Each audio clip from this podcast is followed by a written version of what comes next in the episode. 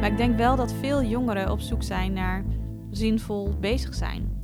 Uh, en dingen doen die ertoe doen. En vooral ook ontdekken wat je zelf uh, belangrijk uh, vindt. Dus die hele identiteitsontwikkeling is in die leeftijdsfase super belangrijk.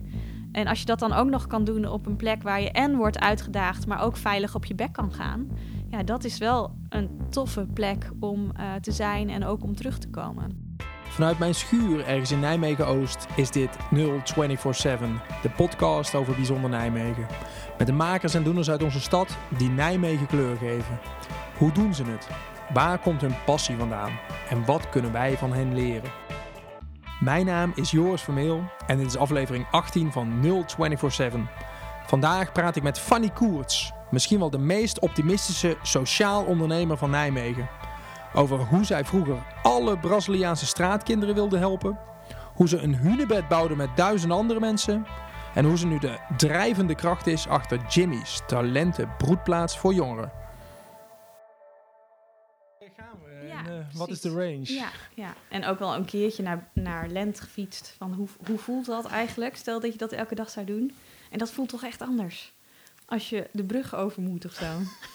Terwijl het best een uh, stevige heuvel is die jij dan op moet ja. Uh, ja, vind ik echt helemaal niet erg. Nee? Nee. Ben je op de fiets? Ja. Heb je een elektrische fiets ook gekocht? Nee. Dat hoor je van veel mensen die Ja. in Beek gaan wonen... dat ze gewoon zichzelf gelijk een elektrische precies. fiets Ja, eh, nee, cadeau doen. Ik dacht het is juist wel een goede manier om nog een beetje lichaamsbeweging te krijgen. Zo, maar je hebt er een paar heuveltjes tussen zitten. Ja, ja, ik ben wel een stukje gelopen. Ja.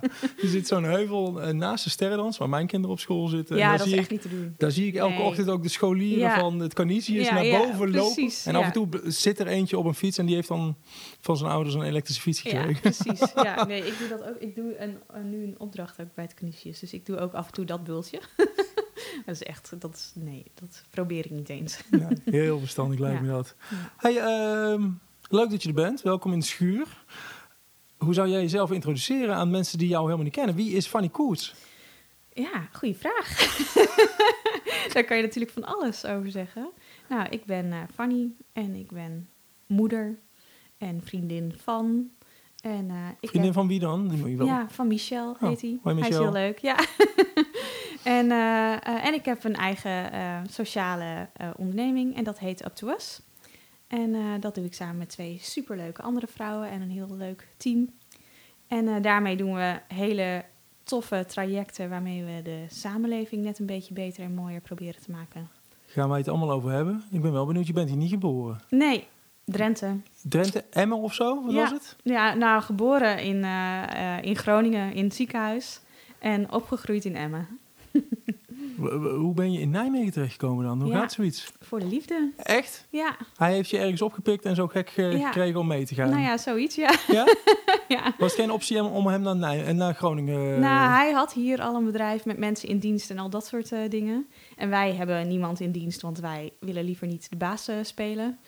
En, ehm, eh, en ja, op een gegeven moment hadden we ook wel de ambitie om meer landelijk te gaan werken. Met onder andere Jimmy's, waar we straks ook van alles over gaan eh, eh, vertellen. En toen dacht ik, ja, hartstikke handig toch? Nijmegen, Groningen. Dat, dan ben je gelijk landelijk. Dus eh, dat was het goede begin. Goeie Ja. begin. ja, Wat dus, leuk. Hoe lang is dat geleden dan dat je hier terecht bent gekomen? Nou, zeven jaar ongeveer. Oh, Wauw. Ja. Hoe, hoe vind je Nijmegen en Ja. omgeving? Eh, nou, vooral heel mooi. En Nijmegen en Groningen eh, zijn echt wel vergelijkbaar qua vibe eh, van de stad. Dus, Studentensteden ja, allebei? en best wel links. Dus dat helpt heel erg. Dus ik voel me super thuis. En ik kende ook naast Michel wel echt meer mensen hier ook al in de omgeving. Dus dat scheelt wel ook in eh, niet alleen maar voor de liefde hierheen gaan, maar ook gewoon je snel er ergens thuis voelen. Ja, het, is, eh, het voelt niet als een enorme grote stap Nee. terugkijkend. Nou, jawel. Het is wel een grote stap, maar een prima stap. Ja. ja. Ga je ooit nog terug dan? Nou, we hebben het er wel eens over, maar nee, ik denk het niet. Nee. Mooi zo. Anders moet je nou even Ja, vertrekken uit nee. mijn Nijmeegse podcast. Ja, ja, ja, oh ja, precies. Nee, Nee, dus we gaan zeker niet. je, mag blijven, je mag blijven, Fanny. Ja, nee, Hey. ik denk eerder dat we dan een soort van, hoe heet zoiets, een tijdmachine of zo ontwikkelen, zodat je makkelijker en sneller van de ene naar de andere plek kan zijn. Nou, regel dat. ja, lijkt me wel fijn.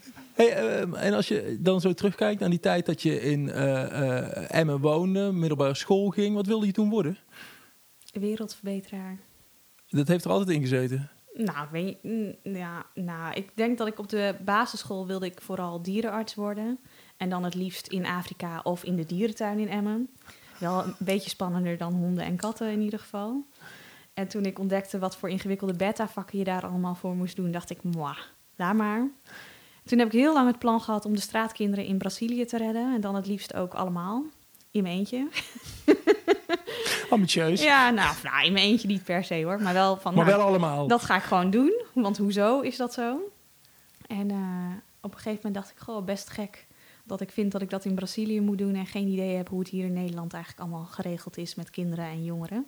Dus misschien kan ik eerst hier eens even rondkijken wat er allemaal hier wel of niet goed gaat. Maar dat, dat was iets wat op je middelbare school een beetje bij je opkwam? Of eh, wanneer was dit? Ja, denk ik wel een beetje, ja. Wat ga je dan studeren? Eh, ik heb eh, SPH gestudeerd, Ja, Sociaal-Pedagogische Hulpverlening. Logische stap. Ja, zeker, ja. ja.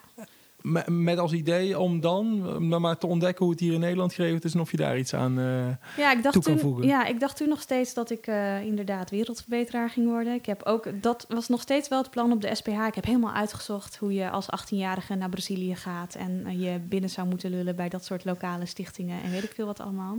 En die zeiden allemaal, je moet 21 zijn en vloeiend Portugees spreken, anders hebben we echt niks aan je. En toen dacht ik, ja, dat zal wel. Ik ga het toch proberen. En uiteindelijk had ik er één die het wel wilde. En toen dachten mijn ouders, maar hoezo? Jij bent 18. Jij hebt echt niks meegemaakt in het lieve, schattige Drenthe. Ik ga jou wel even in contact brengen met iemand die daar wel iets heeft meegemaakt. Dus toen ging ik praten met een mevrouw die daar heel veel vrijwilligerswerk had gedaan. En mij, denk ik, haar ergste ervaringen ging vertellen. in opdracht van je ouders misschien wel. Ja, precies. En toen ontstond het idee om eerst maar eens in Nederland te kijken wat er kon. Ja. Ja, Dus je hebt eh, netjes studie afgemaakt? Vraagteken. ja netjes afgemaakt, maar wel ehm, eh, met een beetje eh, veel buitenspelen, laat ik het zo zeggen. ja. Maar dan, dan ben je 22. Ja, 21. Nou, ja. had je naar Brazilië gemogen, maar daar was je inmiddels vanaf. Ja, en, en dan? Ga je dan de arbeidsmarkt op? Of wat doe je dan? Nou, ik had, ehm, ik vond dus wel nog steeds, hoezo ga ik dan met mijn supergelukkige jeugd en eh, mijn 18, 19, 20 jaar aan andere mensen vertellen hoe ze hun leven zouden moeten leiden? Dat is best gek. Moet ik niet wat meer levenservaring opdoen? Eh, dus ik heb stage gelopen in Frankrijk en ik heb eh, heel veel samengewerkt met onder andere Martijn Aslander. En Martijn heeft heel veel verschillende projecten gedaan.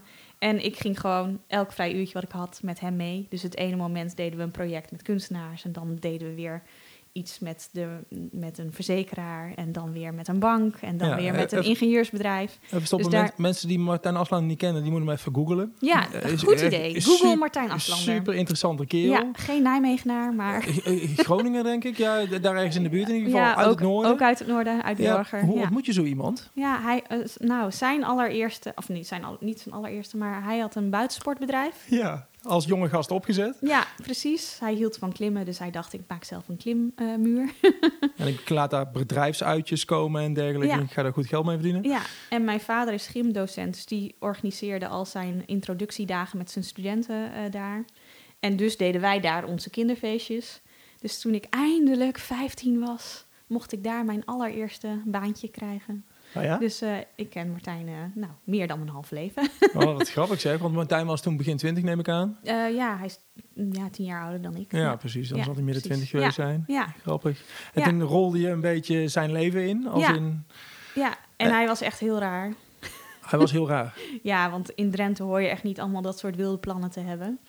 En eh, Wat moet je in Drenthe dan wel doen? een beetje normaal. Een beetje normaal. Ja, En, en hij deed allemaal dingen die niet normaal waren Ja, eigenlijk. precies. Hij, hij heeft gewoon wilde plannen en denkt ook dat ze te realiseren zijn. No- Noem eens een eh, wild plan. Iets met een hunebed geloof ik, of Ja, niet? ja, we hebben onder andere een hunebed gebouwd met de hand, met eh, een paar duizend mensen. En waarom? Ja, dat was nog nooit gedaan. Dus dat Of in ieder geval, dat was heel vaak gedaan, maar nog nooit in deze tijd. Dus we wisten niet hoe het moest. Ja. Dus we gingen het maar eens uitvinden. En hoe doe je dat dan? Eh, nou ja, er zijn heel veel, heel veel verschillende technieken voor. Maar de makkelijkste is eigenlijk, je maakt een soort slee.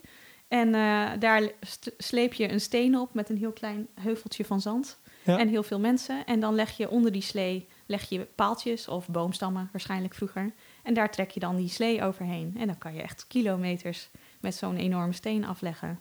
En als je die dan allemaal een beetje op de goede plek legt... en dan daarna een soort heuveltje maakt... zodat de bovenste stenen er ook bovenop komen... dan eh, heb je een hunebed. Maar dat begon met een wild idee van... we zitten hier in Drenthe, dit deden we duizenden jaren geleden... waarom doe je dat niet nog eens? Ja, Gedacht vanuit, eh, dit kunnen wij samen, gedachten waarschijnlijk. Ja. Want dat is waar bij Martijn voor een groot deel ook om gaat. Hè? ja zeker. Maar- en, en die duizenden mensen, hoe zijn die toen gerecruiteerd? Hoe ging dat dan? En wat Ja. was jouw rol daarin? Ben ik ook wel benieuwd Ja. Ja, nou ja, dat is wel een beetje. Martijn die kwam dus even weer koffie drinken bij zijn buitensportcentrum, want hij was daar niet meer eh, de baas. En iedereen vond hem dus een beetje gek. En ik kom niet uit Borger, het dorp waar hij vandaan komt. Dus Oh ja. ik had daar minder last van. Dus ik ging met hem koffie drinken en hij zei: Ik ga een hunebed bouwen. En ik dacht: Jij bent echt gek. En hij zei: Ja, en ik denk, jij bent een soort elfje. Hij had toen het Elfenstone-netwerk, dat is dan iets van ehm, Tolkien. en eh, ja, jij bent ook een soort elfje. Kom maar meedoen. En ik dacht nog steeds: Ja, jij bent echt heel gek. En na een paar weken vond ik zijn visitekaartje terug. En toen dacht ik: Oké, dit is echt heel gek, maar whatever, lijkt me wel geinig. Dus ik eh, zei: Ja, ik heb echt heel veel verhalen over je gehoord. Mag ik even ontdekken wat er dan waar is en wat er niet waar is? Een goede openingszin ook, vind ik. ja, ja, nou ja, weet ik niet. Lijkt wel. Nou ja, ja dus toen ging, mocht ik al mijn vooroordelen eh, testen. En hij bleef maar gewoon eh, overeind staan en doorpraten en nieuwsgierige vragen terugstellen. En toen dacht ik, nou, wat is er eigenlijk mis met gek? Nee, Niet te gek. veel. Ja, te gek. Dus eh, toen ging ik gewoon meedoen en meehelpen. En dat is wel, ik denk wel dat heel veel van de dingen die ik nu doe, ontstaan zijn in die tijd. Want doordat Martijn gewoon een houding heeft van ja, we gaan het gewoon proberen en we zien wel wat er lukt, eh, heb ik gewoon nooit geleerd dat je eerst plannen moet maken. Of heb ik nooit geleerd dat je dingen niet moet doen omdat ze misschien zouden kunnen mislukken. Dus hij heeft mij heel veel uiteenlopende vragen gesteld. Wil je even met de wethouder deze en deze vergunning regelen? Wil jij even zorgen dat het, nieuws, eh, het eh, jeugdjournaal langskomt? Wil jij even op Radio 1 vertellen dat het zus en zo eh, zit? Wil jij even mee naar een scouting-event om te zorgen dat er een paar honderd scouts mee gaan doen om dat hunebed te bouwen? Wil jij even met, nou, whatever, noem het maar op. En jij zei overal ja op. En ik dacht, laat ik maar gewoon ja zeggen. Hoe oud was je toen? 18. Meen je? Nou ja, En je kreeg het voor elkaar. Die wethouder die eh, regelde die vergunning. Jeugdjournaal kwam langs. De scouts zeiden ja. Eh, nee, de scouts zeiden nee. Maar je bent wel op het jeugdjournaal geweest. Eh, ja, ik weet eigenlijk niet eens of ik zelf op het jeugdjournaal kwam. Daar ging het niet per se om. Nee, nee, nee. Maar het project eh ja, ja, kreeg het project aandacht. zeker, ja. Oh, wauw. Hey, en, wauw. Ander project was Seven Days of Inspiration volgens mij, of niet? Ja, Wat bizar gaaf project was. ja, nou ja, ook niet alleen maar gaaf hoor. Nou, vertel eens, want wat is het idee erachter? Upgrade Your Country, kan ik me nog herinneren Ja. volgens mij. Het was een idee uit Estland, klopt dat oorspronkelijk? Nee, nee, nee, in Estland was er een man en die had bedacht hoeveel, eh, hoe, is het, hoe komt het dat we hier zoveel zwerfafval hebben. Afval, ja. Laten we dat in één dag opruimen. Ehm, dus dat was het Estland-verhaal. Ja, Eh, en eh, Martijn, die had op ook weer Martijn, eh, maar wel, dat komt altijd met een beetje inspiratie van heel veel mensen, hè, dat soort ideeën, hoe die ontstaan. En het idee was van ja, er zijn zo ontzettend veel hele mooie initiatieven die een beetje in de marge hun prachtige dingen doen. Wat zou er gebeuren als we gewoon zeven of zes thema's kiezen en allerlei initiatieven die er al zijn of die zouden kunnen ontstaan op die thema's, als we die eh, eh, bij elkaar zouden brengen en dat we dan in één week tijd een spotlight zetten op alle prachtige mooie initiatieven die er zijn en alle mensen die het gaaf vinden om zich daarvoor in te zetten. Eh, en dat gingen we doen. En eh, daar is, eh, zijn fantastische dingen in gebeurd. En alles wat we hadden bedacht is niet gelukt. maar wat bedoel je? Want het idee erachter was dat je eigenlijk die initiatieven eh, in de spotlight zou zetten... waarmee we ons land ook mooier zouden eh, maken. Dat, dat was het doel van al die initiatieven. Ja. Eh, wat is er niet gelukt? Wat wel het plan was dan? nou, er zijn heel veel ideeën die je dan hebt in zo'n beginfase, hoe dat dan zou moeten zijn. Dus jeetje, het is best moeilijk. Ik heb hier heel lang niet over nagedacht en gepraat. Het is lang geleden. Waar hebben? Het is 2011 volgens mij ja, of zo. Hè? Ja, ja. Nou, bijna tien jaar ja, geleden. Ja, precies. Ja. ja, dus dat is best lang geleden. ja. Maar ehm, eh, ja, dus we hadden bijvoorbeeld bedacht dat we dan eh, zes thema's hadden, elke dag één thema. En dat we dan eh, rondom dat thema een soort van opperhoofd zouden vinden. En dat we dan door heel Nederland verschillende steden zouden aanwijzen, waar dan rondom die thema's allerlei initiatieven in de spotlight gezet zouden worden. En nou, dat hadden wij allemaal, vonden wij super zorgvuldig gedaan. En toen gingen we dat bekendmaken. Dit zijn de steden, de Seven Days of Inspiration steden. En toen waren er een heleboel van die steden waar echt geen zak gebeurde. En een heleboel andere steden die zeiden... Ja, maar hoezo? Wij doen hier ook hele leuke dingen. Wij gaan gewoon meedoen hoor.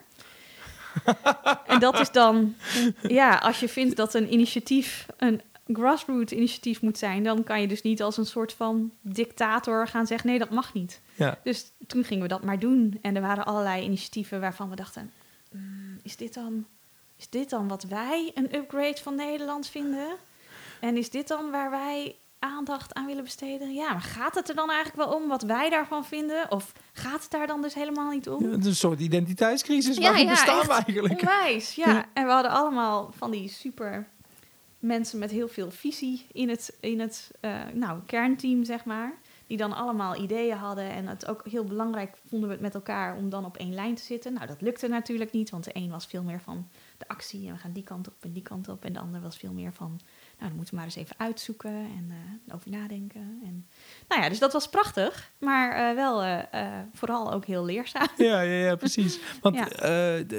daarna, dat is ook een mooi project van Martijn Aslander. In de tussentijd was jij begin 20. Nee, dit is misschien wel iets later, denk ik, of niet?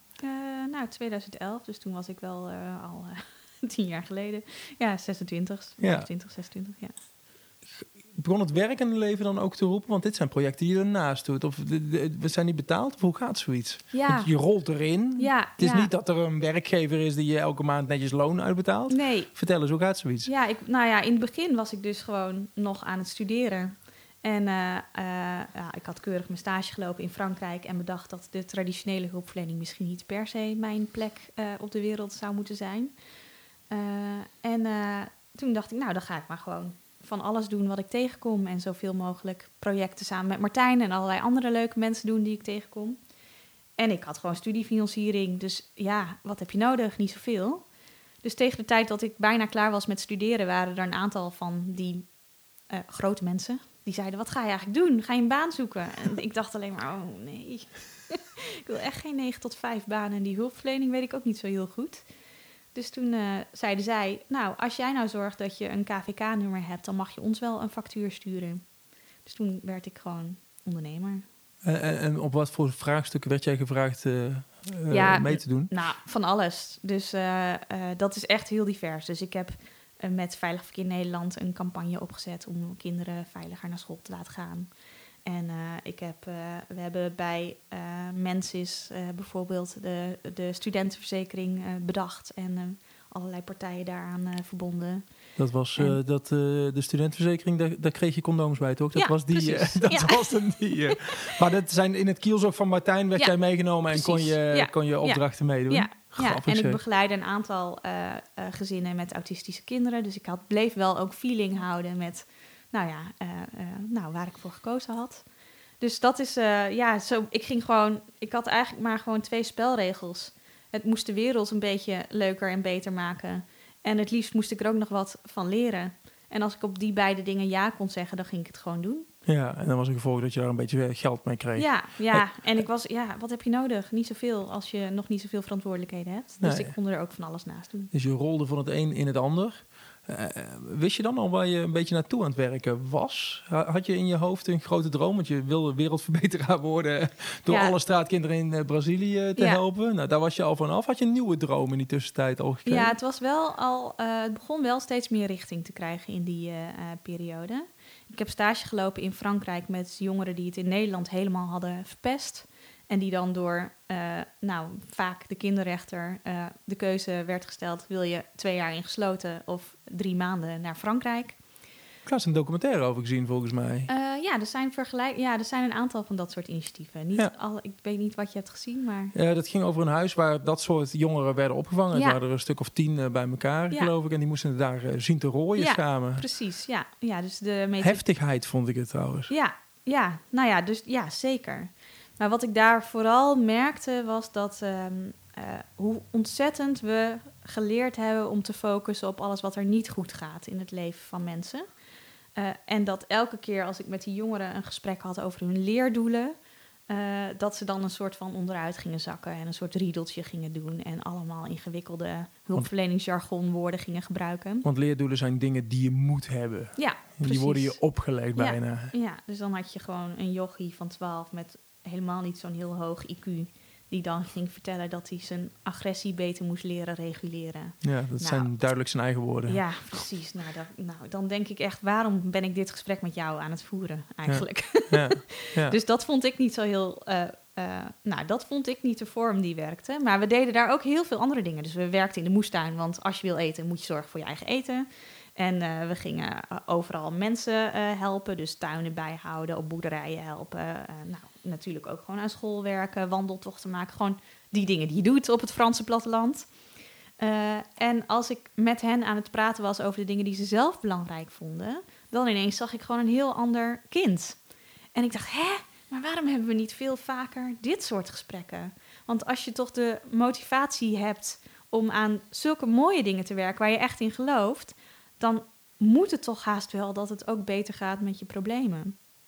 Dus ik heb toen een soort van bedacht, stel dat je inderdaad een probleem hebt met agressie, eh, maar je houdt wel heel erg van voetbal, dan moet je toch niet werken aan het beheersen van je agressie. Dan moet je toch werken aan een goede voetballer worden. En dan moet je daardoor toch ook je agressie leren beheersen. Want als je, Een goede agressief- voetballer beheerst zijn agressie. als je ja. agressief bent op het veld, mag je gewoon niet meedoen. Dus dat Ja. leek mij echt super logisch Ja. eigenlijk. Ja. Eh, dus toen ehm, heb ik, nou ja, toen is bij mij een beetje het idee ontstaan dat we ons in de hulpverlening veel meer zouden moeten gaan richten op talent en motivatieontwikkeling bij jonge mensen. Wat kan er wel? Wat kan er wel? Welke mogelijkheden zijn er? Wat willen ze zelf? Waar geloven ze in? En welke stappen kan je daar dan eh in zetten? Dus daar, eh, dat begon wel de richting te worden. Ja, terwijl het systeem is eh, eh, dit mag niet, dit mag niet, dit mag niet. En op deze manier ga je het oplossen. Terwijl je eigenlijk zegt, ze kunnen al heel veel, Ja. maar dat wordt niet belicht. Nee, Dus dat zat al achter in jouw hoofd. ja, en het is inmiddels wel ietsje beter hoor. Dus het is niet meer zo ontzettend probleemgefocust als dat het was. Ja, Dus dat is wel fijn. goed nieuws. Maar Ja. dat was toen echt niet zo. Dus dat maakte ook wel dat ik echt dacht: nee, maar dit, ik ga echt niet met mijn 21 jaar en mijn scriptie over talentontwikkeling, waar ik allerlei mensen uit de HR-wereld in heb geïnterviewd, omdat ik in de hulpverleningswereld niks kon vinden. Oh. Ik denk niet dat ik hiermee eh, zomaar een hele jeugdhulporganisatie ga omtoveren. Dus dat maakte ook wel dat ik dus verder ging kijken en dus per ongeluk ondernemer eh, werd. Ja, precies. En, en dus allerlei dingen ging doen die hier niet direct iets mee te maken hadden. Met, met, met, met talentontwikkeling bij probleemjongen. Laat ik zo. Ik vind het een rot woord. Ja. Daar heb je vast een ander woord voor. Ja, nou ja, jongen, ik noem ze gewoon jongeren. En Ja, sommigen hebben wat meer problemen dan anderen. Ja, ze zullen allemaal een probleem hebben ja, trouwens. Maar precies. ja, wat was het moment dat je dacht, ik moet er wel iets mee? Of hoe gaat zoiets? Ja, nou, ik merkte wel dat in alle projecten die ik deed, dat ik stiekem toch ging kijken hoe mensen nou het lekkerst in hun vel konden zitten. En hoe, hoe je kon zorgen dat mensen nou nog beter eh, konden functioneren of zo. Of wat blijer zouden worden. Dat was eigenlijk een gemeenschappelijke deel, een gemene deler in alles wat Ja, je deed. dus het maakte eigenlijk niet zoveel uit wat de officiële vraag was van een organisatie waar ik een klus eh, deed. Ik ging gewoon stiekem met die mensen kletsen en kijken hoe dat dan in elkaar zat. Ehm, dus ja, dus dat bleef wel gewoon een soort van, hoe zeg je dat dan? Bloed kruipt waar het niet gaan kan of zo. Ja, hij zat in je achterhoofd. Ja, en op een gegeven moment eh, leerde ik Mauk Mulder kennen. En Mauk Mulder is een van de. Dus dat was toen al een hele lieve opa. Inmiddels is hij eh, dood. Eh, maar ehm, eh, toen, was, het, toen was hij al met pensioen. Maar hij heeft sociale psychologie als vakgebied geïntroduceerd in Nederland. Dus die faculteiten die nu overal zijn, daar was hij de grondlegger van. En ik raakte met hem aan de praat. En ik zei, ja, maar ga ik niks mee doen. Want die hele hulpverlening in Nederland, dat wil, die willen alleen maar met problemen bezig. Dus dat werkt niet. En toen zei hij, Fanny, hoe denk je dat verandering überhaupt tot stand komt? Toen zei ik, ja, ja, weet ik veel. Dat weet ik eigenlijk niet. En zei hij, empirisch onderzoek. Er is maar één manier om erachter te komen. En dat is door het te gaan doen. en toen dacht ik, oh, hij weet het vast beter dan mijn HBO-docenten. Die vinden dat dat niet kan. Laat ik het maar gewoon gaan proberen. Dus Maar toen- empirisch onderzoek eigenlijk trial and error. Probeer het maar. Werkt het wel of werkt het niet? Ja. Werkt het wel, dan probeer het nog een keer. Ja, ja, dus hij zei, ja, je hebt, jij hebt ook echt geen idee of het werkt. Je hebt het nog nooit geprobeerd. Dus er is echt maar één manier om erachter te komen. Wauw. Ja, dus hij heeft daar wel echt een heel belangrijk eh, zetje in eh, gezet. Ja, en dan heb je ook nog wat geleerd van Martijn Aslander... die je ook niet heeft laten nadenken over... hoe kan het ook fout gaan? Ja. En- En die twee bij elkaar brengt dan eigenlijk... dat je dingen in di- dingen bent begonnen. Ja, denk ik. Ja, ja, precies. Ja, Zit ook nog ergens durf te vragen tussen. eh, Ja. eh, eh, hier in Nijmegen wel een bekend iets hè, van Niels. Mhm. Daar heb je mee samengewerkt volgens mij. zeker. Vertel eens hoe dat in zijn werk ging. Want even, even tussendoor. Dan gaan we daarna lekker naar je sociale Ja. onderneming toe. Want daar ben ik ook heel benieuwd naar. Wat is durf te vragen? Help me eens. Ja, durf te vragen is eigenlijk een methode waardoor je makkelijker dingen voor elkaar kan krijgen. Dus het is super simpel. Je bedenkt wat je echt heel graag voor elkaar kan krijgen, wilt krijgen. Je zorgt dat er een aantal mensen om je heen zitten, of dat nou online is of in het echt, die je niet zo goed kent. En die stel je die vraag. En die mensen gaan allemaal ideeën geven. Het liefst op post-its, zodat je ze niet allemaal in één keer hoeft te onthouden. En dan kan je er daarna mee aan de slag. Ja, de kracht zit in de simpelheid volgens mij. Je- eh, mensen die het horen zullen denken... ja, ik, dat is toch logisch dat je een vraag stelt. Ja, Maar eigenlijk gaat het erom dat je zoveel mensen om je heen hebt... die allemaal een netwerk hebben en allemaal eh, kennis hebben ergens van. eh, zodat zij met antwoorden komen op een, op een vraag die jij hebt en Ja. zo. Ja, het punt is als we iets voor elkaar willen krijgen, dan zijn wij heel erg gewend aan vooral heel goed zelf nadenken, hoe wij dan denken hoe het zou moeten. Beetje En- googelen. Een beetje googelen, vooral allerlei plannen maken, eh, vooral vinden dat je het meeste zelf moet doen en anderen niet tot last moet zijn. Eh, en eh, als we dan hulp vragen, doen we dat vaak aan mensen die dicht bij ons staan. Ja. En ja, wij mensen hebben de neiging om mensen om ons, te- om ons heen te verzamelen die een beetje op ons lijken. De strong ties. Ja, de strong ties. En het idee van durf te vragen is dat je het juist moet hebben van de weak ties, omdat die dingen toevoegen die jij zelf nog niet had bedacht. Die kennen mensen die jij nog niet kent. Ja, dus durf te vragen heeft mij wel echt twee dingen geleerd. Het ene is hoe ontzettend leuk mensen het vinden om te helpen, dat ze zelfs wildvreemden eh helpen.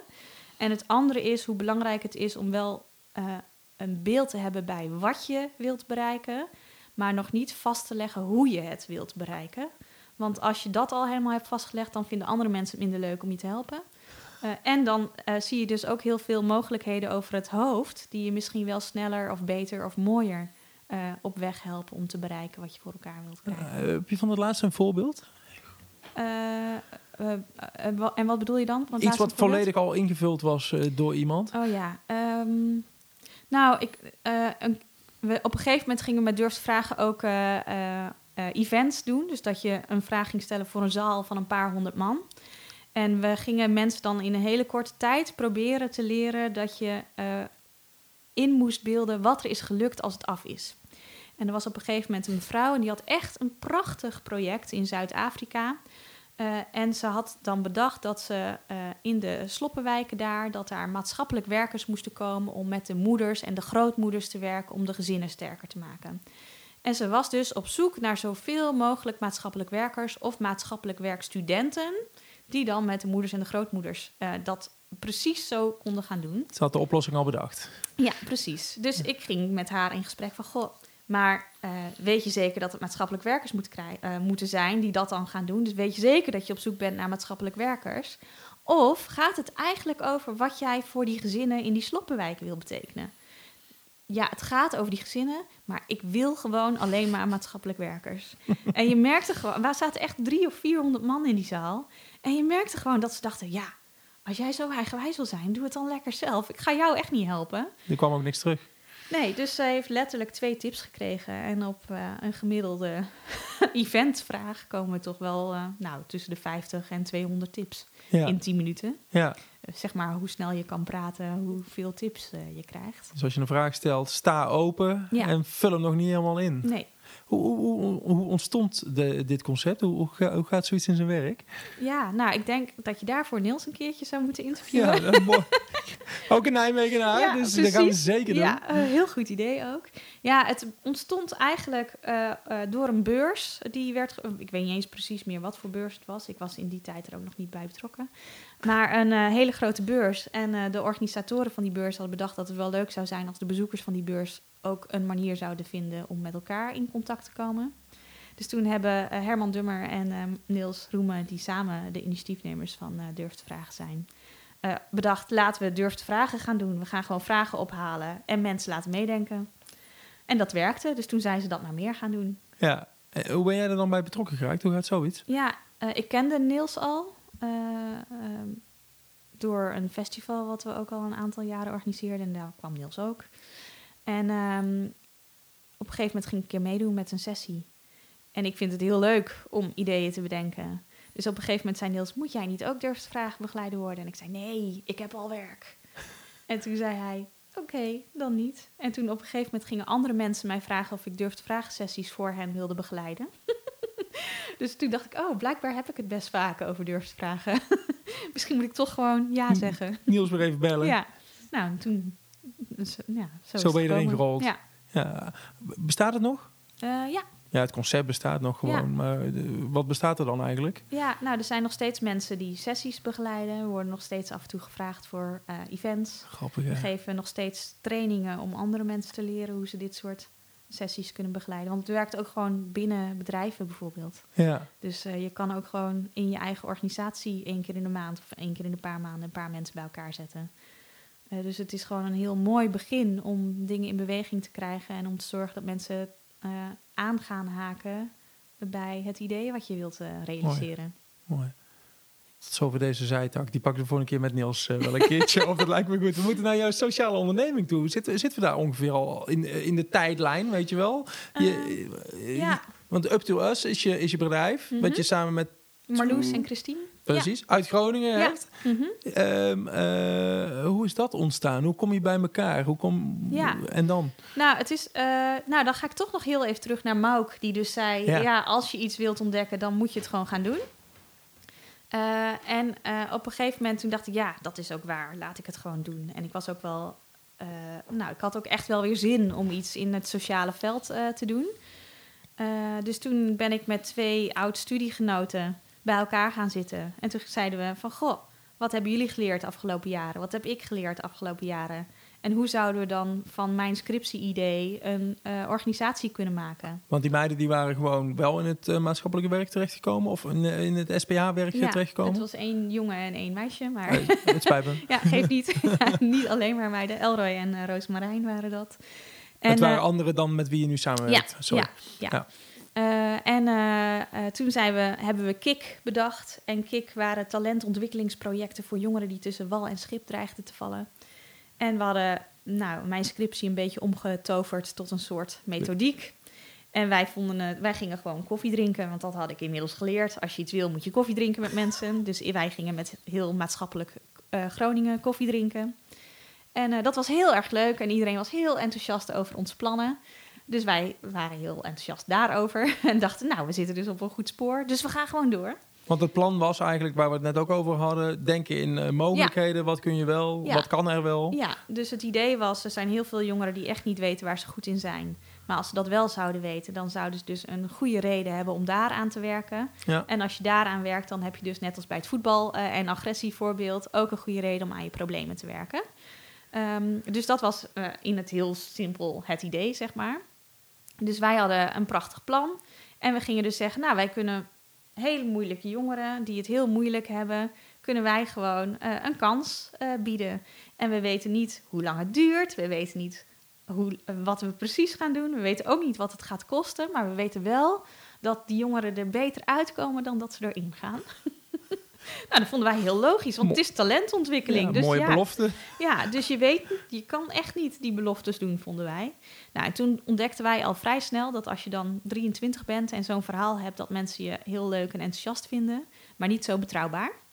Dus dat als dan het puntje bij het paaltje komt, dat ze je geen geld gaan geven. Nee, want je hebt geen bewijs. Eh, nee, precies, want je hebt het nog nooit gedaan. Dus eh, eh, ik had eh, toen al mijn klussen stopgezet, want ik was er wel van overtuigd dat dat ging stoppen. Dus na een half jaar dacht ik, oh, misschien gaat dit toch niet goed komen als ik hier nog heel lang mee doorga. Want dan ga ik zelf zo'n jongere met problemen en heel veel schulden worden. Dus misschien is dit niet het allerbeste idee om gewoon stug door te zetten. Maar ja, daardoor hadden we wel dus half Groningen leren kennen. En onder andere ook Marloes. En Marloes eh, die was in die tijd eh, beleidsmedewerker jeugd bij de welzijnsorganisatie in Groningen. Dus die mocht mooie nieuwe dingen voor jongeren bedenken eh, in de stad. En zij had net van de gemeente Groningen de vraag gekregen om een, een soort jongere versie van het Centrum voor Jeugd en Gezin te verzinnen. Mhm. Het Centrum voor Jeugd en Gezin was op een gegeven moment in heel Nederland een soort plek waar kinderen van 0 tot 23 en hun ouders terecht konden voor al hun opgroei- en opvoedvragen. Oké. Ja, super. Eh nou, was echt best wel een goed idee. Maar de, in de praktijk was het gewoon het consultatiebureau en alles wat er omheen zat. En werkte het vooral goed tot en met, eh, de, ba- nou ja, tot en met de basisschoolleeftijd, zeg maar. Ja. En zodra het 12 plus werd, ja, dan hebben ouders minder grip op hun kinderen. En gaan kinderen niet meer per se doen wat ouders of school zegt, zeg maar. Nee, kom, we gaan lekker naar het Centrum van Jeugd en Gezin vanmiddag. Ja, dat klonk toch niet zo sexy. dus de gemeente Groningen had bedacht, we moeten dat op een andere manier gaan eh, eh, inrichten. En Marloes had dus die vraag gekregen vanuit haar eh, rol bij die welzijnsorganisatie. En ik had Marloes leren kennen in onze KIK-experimenteertijd. dus zij zei, ja, als jullie nou eens met mij mee gaan denken... En ik was nog steeds gewoon ondernemer. Dus we hadden een, uh, Marloes had een conferentie georganiseerd waar alle, uh, nou ja, alle instanties en onderwijsinstellingen die maar iets met jeugd te maken hadden, bij elkaar zaten om na te denken over dit vraagstuk. En aan het eind van de sessie uh, gingen ze vragen: Goh, en wie gaat er dan vanaf morgen echt meedoen? En toen zei iedereen: We moeten even intern kijken hoe we dit in onze beleidsplannen kunnen inpassen. Uh, en ik zei, ja, maakt me niet uit wat ik moet doen. Uh, laten we gewoon beginnen, want ik geloof dat dit een goed idee is. Wow. Uh, en toen hebben Marloes en ik eigenlijk gezegd van... nou, we geloven erin dat het heel belangrijk is... dat er een plek is waar jongeren heel makkelijk terecht kunnen... voor vragen en advies. Um, maar als al die organisaties dan nog tijd nodig hebben... om te bedenken hoe ze daarbij aan gaan haken... laten wij dan maar gewoon beginnen met de jongeren zelf. En daar is Jimmy's uit voortgekomen. Ja, want uh, ja, en Jimmy's, dan moet je dan ook even ja. gelijk uitleggen. Wat is Jimmy's? Ja, Jimmy's is een, uh, een talentenbroedplaats en een laagdrempelige plek waar jongeren hulp kunnen vragen. En het belangrijkste van Jimmy's is dat het eigenlijk voor nou, 95% door jongeren zelf wordt gerund. Dus we gingen heel veel jongeren vragen: wat vind je nou belangrijk als je een probleem hebt of als je een vraag hebt? En jongeren zeiden eigenlijk, ja, we willen echt geen probleemloket. Want daar gaan we gewoon echt niet naar binnen. Ja. Want daar wil je niet mee geassocieerd worden. Nee. En zeker niet als je echt niet lekker in je vel zit. Daarmee, daarmee zeg je van jezelf, ik heb problemen. Precies, Ja. ja. En dat wil je eigenlijk niet. En je wilt ook niet dat je klasgenoten zien dat je daar naar binnen gaat. Nee.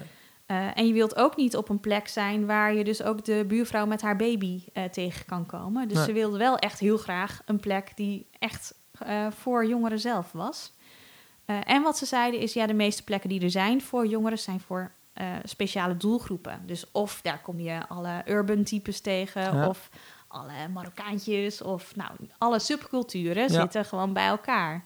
Maar dat geeft heel vaak op een gegeven moment gedoe met andere clubjes jongeren. Dus dan moeten die plekken weer sluiten. Ja. Dus kunnen we niet beter een plek maken waar alle jongeren welkom zijn. Ja. Dus dat je ook niet het gevoel hebt dat je daar alleen maar terecht kan als je eh, nou, een sneu geval bent, zeg maar. Ja. Maar dat het ook een leuke plek is waar je heen kan gaan. Want je hebt, als je jong bent, niet alleen maar vragen als je een probleem hebt. Je hebt ook heel veel vragen over dingen die je voor elkaar wil krijgen. Ja, want je zegt het woord talentenbroedplaats. Dat ben je niet zomaar. Dat ben je niet als je vier muren, een dak en een deur eh, hebt en zegt van kom maar hierin. Hoe zorg je ervoor dat je een talentenbroedplaats bent dan? W- Wanneer ben je dat? Nou, dat doen de jongeren zelf. Oké, Dus dus, die helpen elkaar. Daar zit het hem in. ja, eh, dus ook. jongeren runnen echt bijna alles helemaal zelf. En als het te ingewikkeld is, dan is er een professional die ze verder helpt... of die het netwerk van Jimmy's in kan schakelen. Ja. En dat is heel breed. Dus je wilt... het- Kijk, als er een jongere binnenkomt die zegt... ik maak me zorgen over mijn beste vriendin... want eh, die snijdt zich de hele tijd... en ik ben echt bang dat ze eh, zelfmoord wil gaan plegen... ja, dan ga je niet eh, verwachten van een 18-jarige vrijwilliger... dat hij dat dan allemaal maar even gaat regelen en oplossen. Dus dan is het echt super belangrijk... dat je een heel goed vangnet eh, hebt. Eh, maar voor heel veel dingen eh, is het super fijn als je gewoon een luisterend oor hebt en hoort hoe andere jongeren dingen hebben opgelost of hebben aangepakt. Of als je wel hulp nodig hebt, dat je weet dat dat echt een toffe organisatie is. Of dat het echt een hele fijne hulpverlener is die je kan gaan vertrouwen. Dus dat stukje van peer support, heet dat dan, Ja. is super belangrijk. Maar het is gewoon niet zo dat jongeren de hele dag alleen maar over eh, shit praten. Nee, dat Dus gaat tussen de gesprekken door Ja, waarschijnlijk. dus ze eh. praten over alles wat ze bezighoudt. Dus het gaat het ene moment over muziek en het andere moment over depressie. En dan weer over een vet feest wat ze willen organiseren of een, een, een game-event of Ja. wat dan ook. Dus zij maken dat het en over moeilijke dingen kan gaan en over alles wat je leven tof kan maken. Jimmy zit nou op meerdere plekken, Ja. eh, waaronder in Nijmegen ook, eh, in de Van Bergstraat. Ja, inmiddels is dat geen officiële Jimmy's meer, maar er is nog steeds een hele fijne plek voor jongeren. Oké, sorry. geeft niet. Eh, terug naar Groningen. Eh, je bent gestart met een Jimmy's. Ja. Dat was locatie nummer één. Mhm. Hoe, hoe ging dat in zijn werk dan? Hoe, je hebt een idee van we moeten een plek hebben die veilig is, een talentenbroedplaats. Eh, je, je vertelt nou heel veel over wat jongeren willen. Ben je, ben je marktonderzoek gaan doen of hoe, hoe ben je erachter gekomen Ja. wat, wat zij nodig hebben? Ja, we gingen co-creaties organiseren, zoals dat dan zo mooi heet. Dus we gingen gewoon een plek regelen en uit allerlei hoeken en gaten jongeren uitnodigen, zodat we wel een hele diverse groep eh, jongeren gelijk hadden. En we gingen een aantal professionals uit ons netwerk uitnodigen. Dus eh, iemand die veel verstand had van vormgeving en iemand die veel verstand had van social media en iemand die veel verstand had van eh, hulpverlening en iemand die, nou zo zeg maar. Mhm. En die gingen we gewoon laten brainstormen met de jongeren om ideeën te bedenken. En toen gingen we het gewoon doen. Hoe, hoe was dat, die eerste dag dat je open ging? Eh, rustig. Ja, dan zit je te wachten totdat er jongeren komen. Ja, hoe, precies. hoe had je dat geprobeerd eh, voor elkaar te krijgen? Nou, we hadden dus wel doordat je dan... Kijk, wat er gebeurt als je eh, dus wel bedenkt wat je wil, maar niet hoe je het wil. Ja. Dan ga je dus eigenaarschap creëren. Dus wat we heel snel merkten was die eerste jongeren die we gewoon de eerste keer gewoon uitnodigden om mee te denken. die wilden natuurlijk ook dat het toen ging lukken. Dus, de, dus zij zorgden ervoor dat zij gingen helpen. Maar zij zorgden er ook voor dat de eerste jongeren gingen aanhaken. Want iets waar je zelf enthousiast over bent, daar praat je over. Ja. En dus gaan ze klasgenoten, vrienden, buurjongens en meiden, neefjes, nichtjes, iedereen slepen ze gewoon mee. ja, en omdat je begint met een gemêleerd gezelschap... Ja. die allemaal hun eigen vrienden Precies. meenemen... Wordt, wordt het automatisch een plek van iedereen. Ja, dus da dat is wel echt super belangrijk. Dus dat je gelijk begint met mensen met een diverse achtergrond. Ja. Eh, want dan lukt dat dus ook om een diverse, of ja, een plek voor diverse mensen ervan te maken. Ja, hey, en, eh, het, het is voor iedereen. Ehm, zie je dat in de praktijk ook, dat het door iedereen gebruikt wordt? Of eh, wat voor mensen komt daar? Wat voor jongeren komt daar? Ja, dat is dus echt heel divers. Echt waar? Ja, Maar, ja. maar het kunnen ook mensen zijn of jongeren zijn die, die, die, die gewoon wel heel lekker in hun vel zitten en gewoon helemaal Zeker. geen problemen hebben. ja. Eh, eh, precies. Ja. Ja, want er zijn heel veel. Ik denk wel dat eh, eh, een. Nou, het geldt echt niet. Dit is altijd als je over zo'n grote groep mensen praat, ga je altijd een beetje generaliseren. Dus het Mhm. geldt echt niet voor iedereen. Maar ik denk wel dat veel jongeren op zoek zijn naar zinvol bezig zijn. Eh, en dingen doen die ertoe doen. En vooral ook ontdekken wat je zelf belangrijk vindt. Dus die hele identiteitsontwikkeling is in die leeftijdsfase super belangrijk. En als je dat dan ook nog kan doen op een plek waar je en wordt uitgedaagd, maar ook veilig op je bek kan gaan. Ja, dat is wel een toffe plek om eh, te zijn en ook om terug te komen. Ja. Dus dat, dat eh, helpt daar gewoon eh, bij. Hey, het was rustig op dag één. Het werd drukker en drukker en drukker. Ehm, ik, ik- probeer voor ogen te krijgen wat, wat daar dan gebeurt, zeg maar. En hoe zoiets ontstaat. W- Wanneer gaat de deur open? Wanneer gaat die dicht? Zijn er mensen van jullie bij? Ja. Wat voor dingen wordt er georganiseerd? Kun je, Ja. eens kun je me eens meenemen naar binnen? Ja, nou, het, is, eh, het verschilt een beetje per Jimmy's. eh, maar over het algemeen, eh, in het begin was het gewoon zo... we hadden een pand en een paar stoelen en een tafel... en we dachten, laten we maar gewoon de deur openzetten. Want het hoeft dus niet helemaal al Nee. af te zijn of perfect te zijn om te beginnen. Je het kan moet gewoon ontstaan. het laten eh, ontstaan. En dan moet je dus wel goed aan de achterkant regelen... dat je daar ook de ruimte voor krijgt... en dat je niet allerlei eh heigende managers of eh, wethouders in je nek hebt... die vinden dat het binnen een half jaar fantastische resultaten moet opleveren. Dus dat is serieus werk, zeg maar. Ja. Maar als je dat gewoon de ruimte geeft om te laten ontstaan... dan ontstaan dus ook vanzelf de manieren waarop die jongeren vinden... dat het geregeld moet worden. Dus we, een van de belangrijke dingen is wel dat we altijd officiële openingstijden hebben en informele openingstijden. En tijdens de officiële openingstijden is er altijd een professional beschikbaar. En dat is omdat we het belangrijk vinden voor die jongeren die echt binnenkomen met iets heftigs.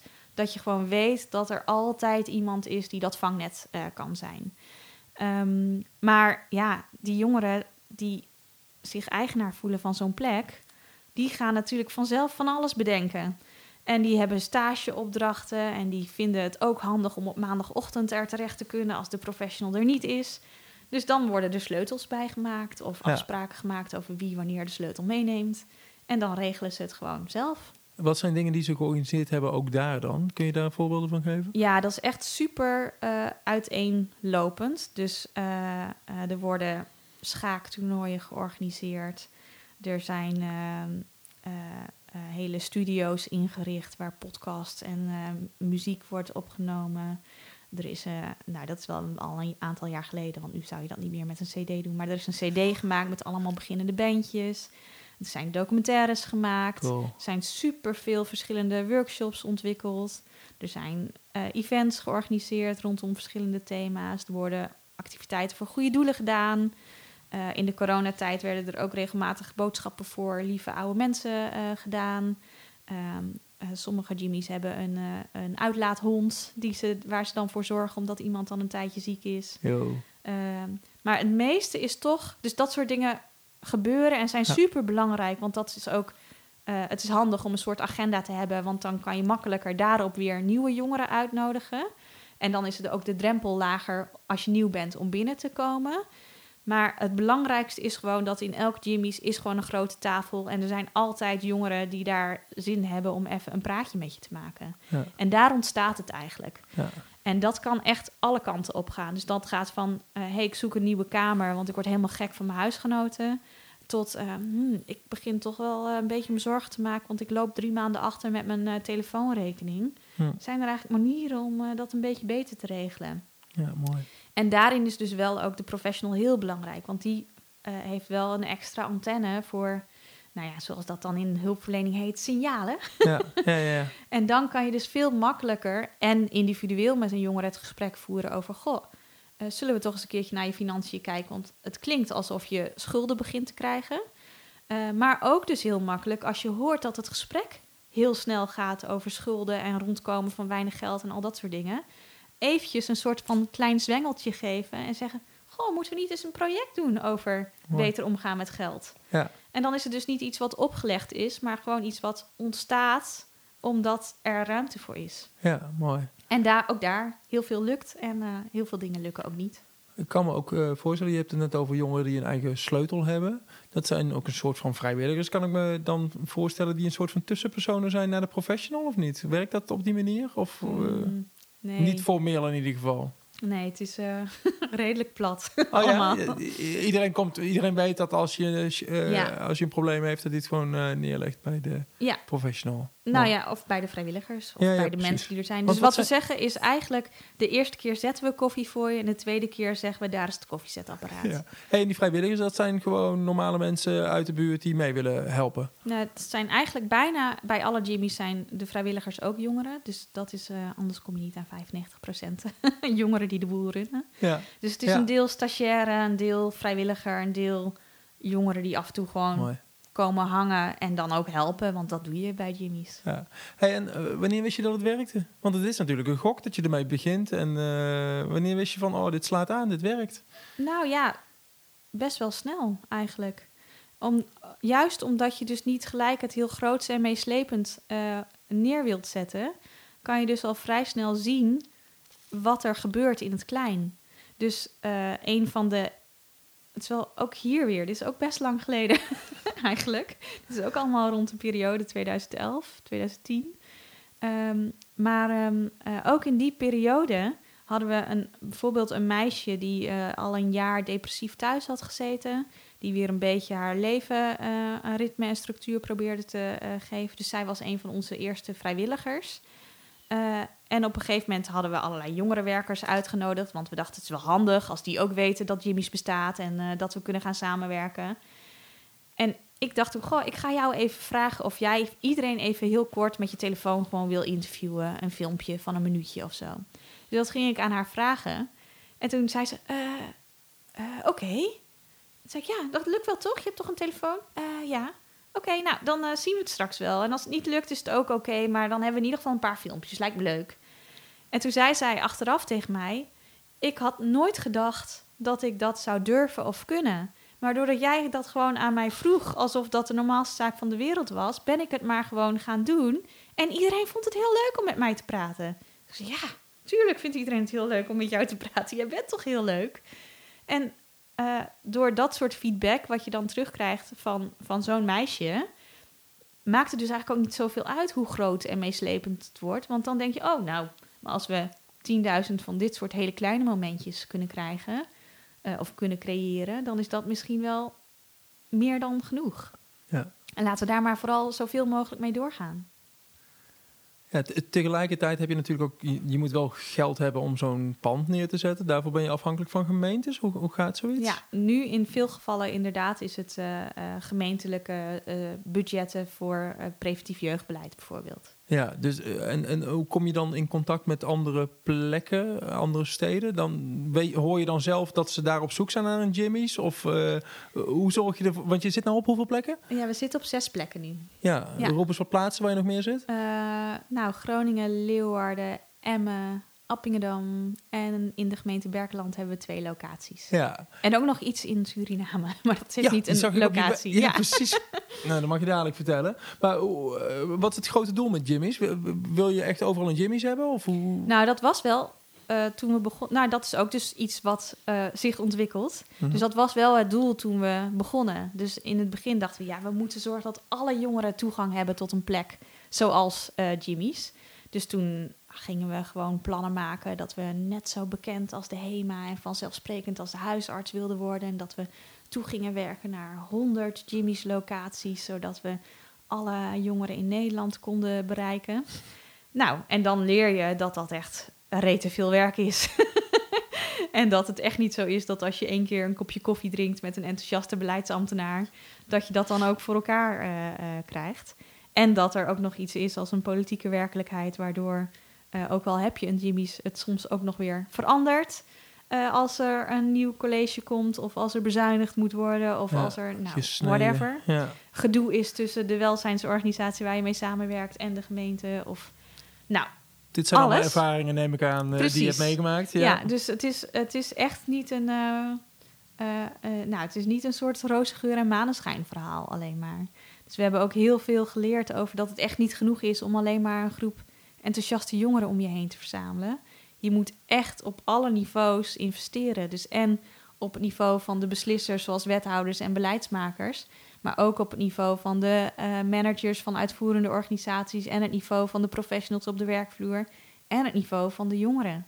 Dus, dus op al die levels moet je gewoon zorgen dat je eh, alert blijft op wat er echt nodig is. En of je nog de goede kant op aan het bewegen bent. Ja, want die 10.000 goede gesprekjes die 10.000 keer helpen, je moet dat wel kunnen bewijzen om te laten zien dat je concept werkt, kan ik me weer Ja. zo voorstellen. Want zo Ja. werkt het waarschijnlijk Ja. in, in die wereld. Ja, Hoe, hoe doe je dat? Hoe, hoe bewijs je dat dan? Nou, eh, eh, ja, in het begin was het gewoon een beetje bluffen. Dus toen de tweede en de derde gemeente vroegen... ja, dat Jimmy, zou dat ook bij ons werken? Tuurlijk. Zeiden Marloes en ik gewoon... ja hoor, tuurlijk. Dat kunnen we wel eh, uitvinden. We durven het niet te beloven, maar we kunnen het wel proberen. Ja. Eh, en toen wisten we het ook echt nog niet. Maar gingen we gewoon bedenken van... nou, hoe zouden we hier dan beginnen? En dus ook weer met de jongeren praten. Ook weer kijken wat zij belangrijk vonden. Nou, dat bleken ongeveer dezelfde dingen te zijn... als de, de jongeren in Groningen belangrijk vonden. Dus toen begonnen we te ontdekken dat het een concept eh, was... wat misschien op meerdere plekken kon werken. En dan moet je ook gewoon ja, de verhalen goed gaan vertellen. En daar hebben we op een gegeven moment wel echt geleerd... dat het niet werkt om alleen maar een mooi verhaal te hebben... maar dat je ook eh, het makkelijk moet maken voor organisaties om ja te zeggen. Dus we hebben op een gegeven moment een plan gemaakt... dat je eerst een oriëntatiefase hebt. Die is laagdrempelig, klein, goedkoop, snel... En na die oriëntatiefase weet je of het past, Ja, of er genoeg no draagvlak. Ja. is. En daarna is er een realisatiefase. Daarin doen we heel veel training en werken we heel veel samen. Doen we heel veel coaching on the job. En daarna eh, weet je of het duurzaam zou kunnen werken. En als dat ook nog steeds positief is, dan ga je het echt borgen en inbedden in je reguliere beleid. Ja. Nou, daar hebben we superveel van geleerd. Dus ik kan nu vloeiend beleidstaal praten, zeg maar. Dat is ook niet iets wat je voorheen had gedacht dat je nee, dat zou precies. Nee, maar dat, nou ja, dus dat maakt het ook leuk, want daar leer je heel veel van. kunnen. Ja, Maar- Is dat ook waar je energie van krijgt? Of is het gewoon een moedertje dan? Eh, Dat lijkt me altijd wel lastig. Het, het zijn dingen die moeten, want anders kun je het uiteindelijk niet voor elkaar boksen.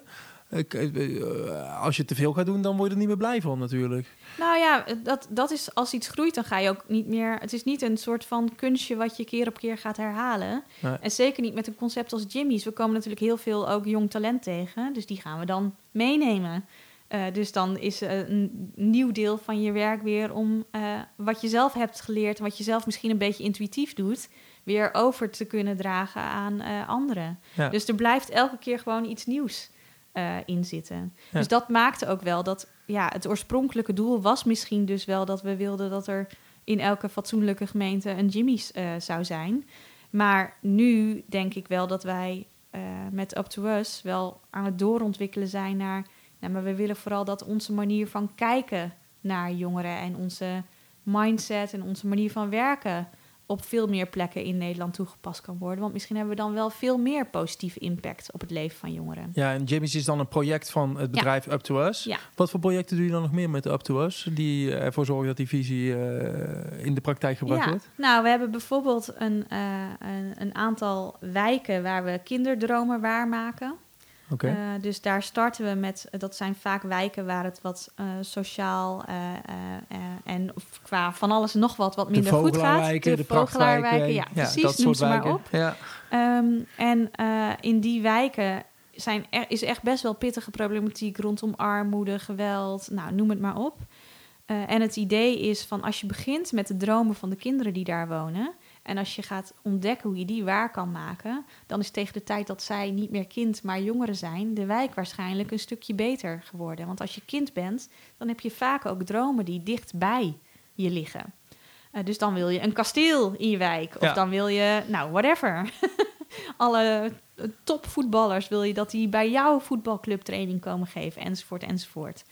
Dus wij hebben eigenlijk de kinderdromen gekoppeld aan sociale wijkvernieuwing zodat dat ervoor zorgt dat je dus niet alleen individuele kinderen of groepen kinderen kan leren hoe ze hun eigen ideeën waar kunnen maken, maar dat je dat ook kan koppelen aan en hoe kunnen we dan met dit soort ideeën van de kinderen de hele wijk een upgrade eh, geven. Nou, en dat is echt niet iets wat je in drie maanden doet. Dus dat zijn meerjarige eh, projecten waar we dan bij betrokken zijn. Maar, maar eventjes, eh, ki- kinderdromen. eh, kinder, je verzamelt dan kinderen bij elkaar en die delen hun droom met, Ja. je, met jou, met jullie. En dan? Nou, dan gaan we dat proberen te doen.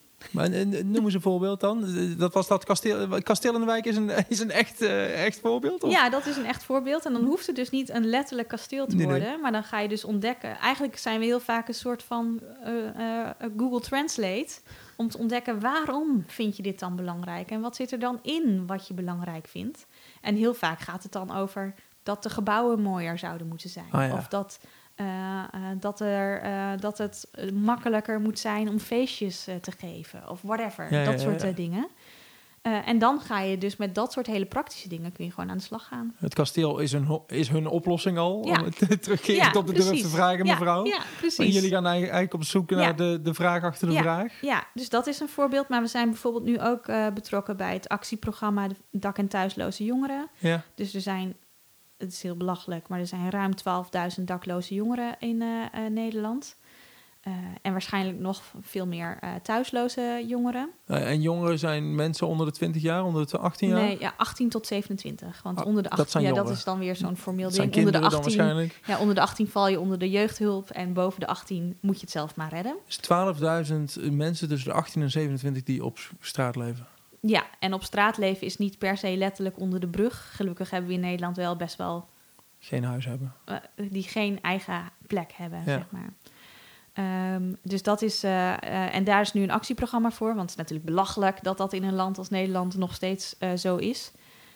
En daar, bege- daar begeleiden wij dan het jongerenpanel en zorgen we dat jongeren dus echt meedenken in de oplossingen die het systeem beter zouden kunnen maken.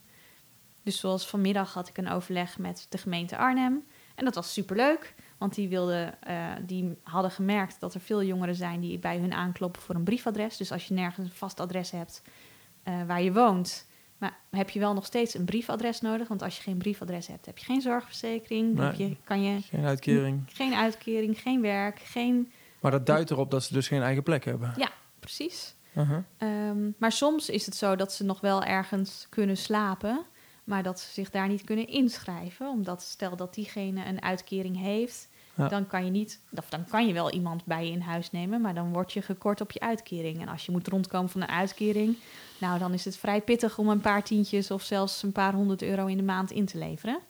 Dus eh, dat willen heel veel mensen dan niet. Dus dat zijn heel veel redenen waarom jongeren een, of mensen een briefadres nodig hebben. En dan gaan we dus in gesprek met jongeren en de mensen van de gemeente Arnhem en de mensen van de maatschappelijke opvangorganisaties. Om vanuit het perspectief van de jongeren te kijken, wat is er nou echt nodig om uh, het makkelijker te maken voor jongeren? Want nu moeten ze heel vaak vier of soms acht weken wachten tot ze überhaupt een briefadres krijgen.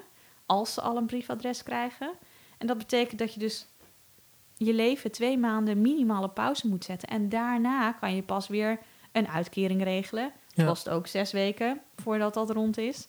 Dus ben je alweer uh, anderhalve maand verder. Waardoor je nog dieper in de schulden zit, wellicht als ze die hebben. Precies. Dus het is echt daardoor een hele grote opeenstapeling van problemen. En dat is echt super tof om echt uh, jongeren de kans te geven om echt hun ervaringen uh, in te zetten. Om ervoor te zorgen dat voor een veel grotere groep uh, jongeren straks beter geregeld wordt. Ik vind het wel zo mooi dat jij. Um, ik zou er helemaal gek van worden als ik in zo'n gesprek zou komen. Want ik zou, zeggen, oh, ik zou gek worden van het systeem. Ja. Wat ik aan jou zie, is dat je het heel mooi vindt om ervoor te zorgen dat je daaraan bij kan dragen. Omdat om wel naar die kansen te, te kijken. Ja. Herken je dat van jezelf? Ja, nee, het is ook wel echt een, uh, uh, nou, een soort van schizofreen geheel tussen frustratie en enthousiasme. ja, maar je schiet door naar je enthousiasme gelukkig. Ja. Of tenminste, het, het geeft je energie, merk ik, uh, aan je. Ja. Heb je dat altijd gehad ook? Dat je, je ziet wat kan? Ja, ik denk wel dat dat vrij uh, goed erin gebakken is, zeg maar. Ja. hoe, hoe is dat erin gebakken? Is dat, is dat DNA en de juiste, plus de juiste mensen ontmoeten? Ja, denk ik wel. Ik denk, kijk, het scheelt gewoon als je... Uh, ik heb echt wel, uh, dankjewel papa en mam, maar ik heb een hele fijne jeugd gehad. Mm -hmm. Dus daardoor heb je uh, best wel een goede, goed basisvertrouwen in de wereld. Dus mijn basisvertrouwen in de wereld is dat die wereld er is voor mij en heel veel andere mensen. Dus dat maakt ook dat ik ervan uitga dat ik dingen voor elkaar kan krijgen. Nou ja, en als je dan ook nog, als je 18, 19, 20, 21 bent, allerlei mensen tegenkomt en allerlei projecten kan doen en allerlei kansen krijgt, waardoor niet het tegendeel wordt bewezen, in ieder geval. Uh, ja, daar word je wel een beetje verpest van. ja, in de goede zin des woords. Ja, precies. Ja. Maar ik kan me juist voorstellen dat je je soms ook uh, op plekken uh, begeeft waar dat vertrouwen wel een knauw krijgt of waar ja. je ziet dat het ook anders kan. Ja. Uh, dan word je waarschijnlijk dankbaar voor hoe je er zelf doorheen gekomen bent door je Ja. jeugd. Maar tegelijkertijd zou je er ook heel erg je zou er ook negatief van kunnen worden. Of het zou je positiviteit ook uit aan kunnen tasten. Dat is bij jou niet zo. Ja, nou ja, kijk, ik, uh, ik denk dat wij gewoon heel erg een uh, 3D-blik op mensen, maar ook op de werkelijkheid uh, hebben. Dus iets of iemand is nooit alleen maar negatief of alleen maar positief.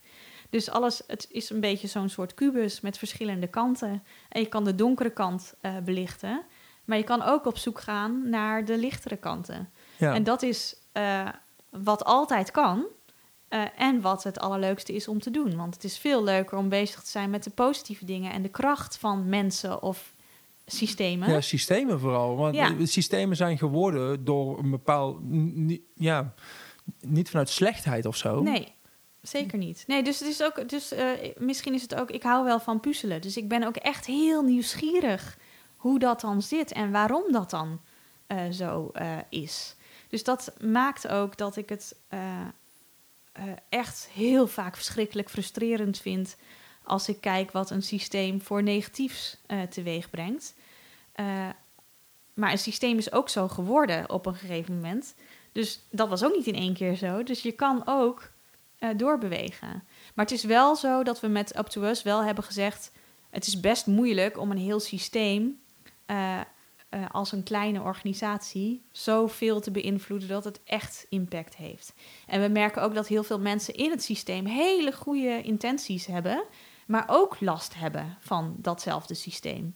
Dus wat we wel hebben gezegd is, uh, ja, het is een beetje lastig, want we doen audio, maar we tekenen heel vaak een soort van half wereldbolletje. en dan heb je een groepje mensen, dat is dan de doelgroep, en je hebt gebouwen, en dat is het systeem. En die twee werelden, die, die matchen niet zo goed met elkaar. Die zijn niet eh, heel goed met elkaar verbonden. Dus wat we met Up to Us heel veel proberen, en dat is eigenlijk de gemene deler in alle trajecten die we doen, is dat we een soort van nieuw ondertussen creëren. Een soort van nieuw speelveld waar we en mensen uit het systeem uitnodigen en mensen uit de doelgroep uitnodigen om met elkaar te bedenken hoe zou het nou anders kunnen? En wat nou als we iets nieuws uh, creëren? En sommige van die dingen ontstaan echt iets echt nieuws uit. En soms ga je nieuwe ingrediënten vinden die je weer kan toevoegen aan het systeem, waardoor het wel weer een stapje verder uh, gaat. Mooi. Ja, we doen ons best. Ga je nog naar Brazilië ooit om alle straatkinderen te helpen? Of mm. is die droom weg? Nou, nou de droom is niet weg.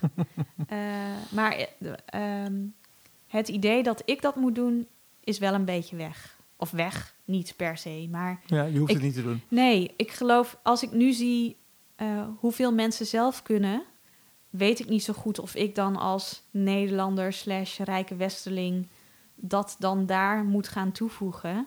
Of dat ook daar genoeg mensen gaan zijn die weer hun eigen mensen gaan empoweren om weer mooie dingen in beweging te zetten. Ik denk eigenlijk dat dat misschien beter uh, werkt. Fijn dat je er was.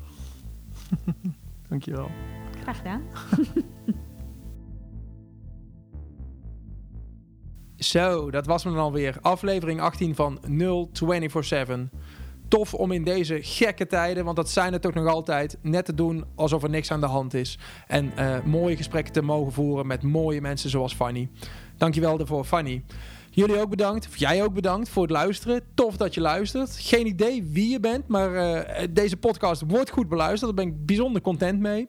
Wil je me een uh, berichtje sturen, een tip geven, een opmerking sturen? Dat kan allemaal via Twitter of uh, Instagram, podcast0247. Of stuur me een bericht via mijn website www.0247.nl. Ik hoor graag van je. Graag tot de volgende. Haaien!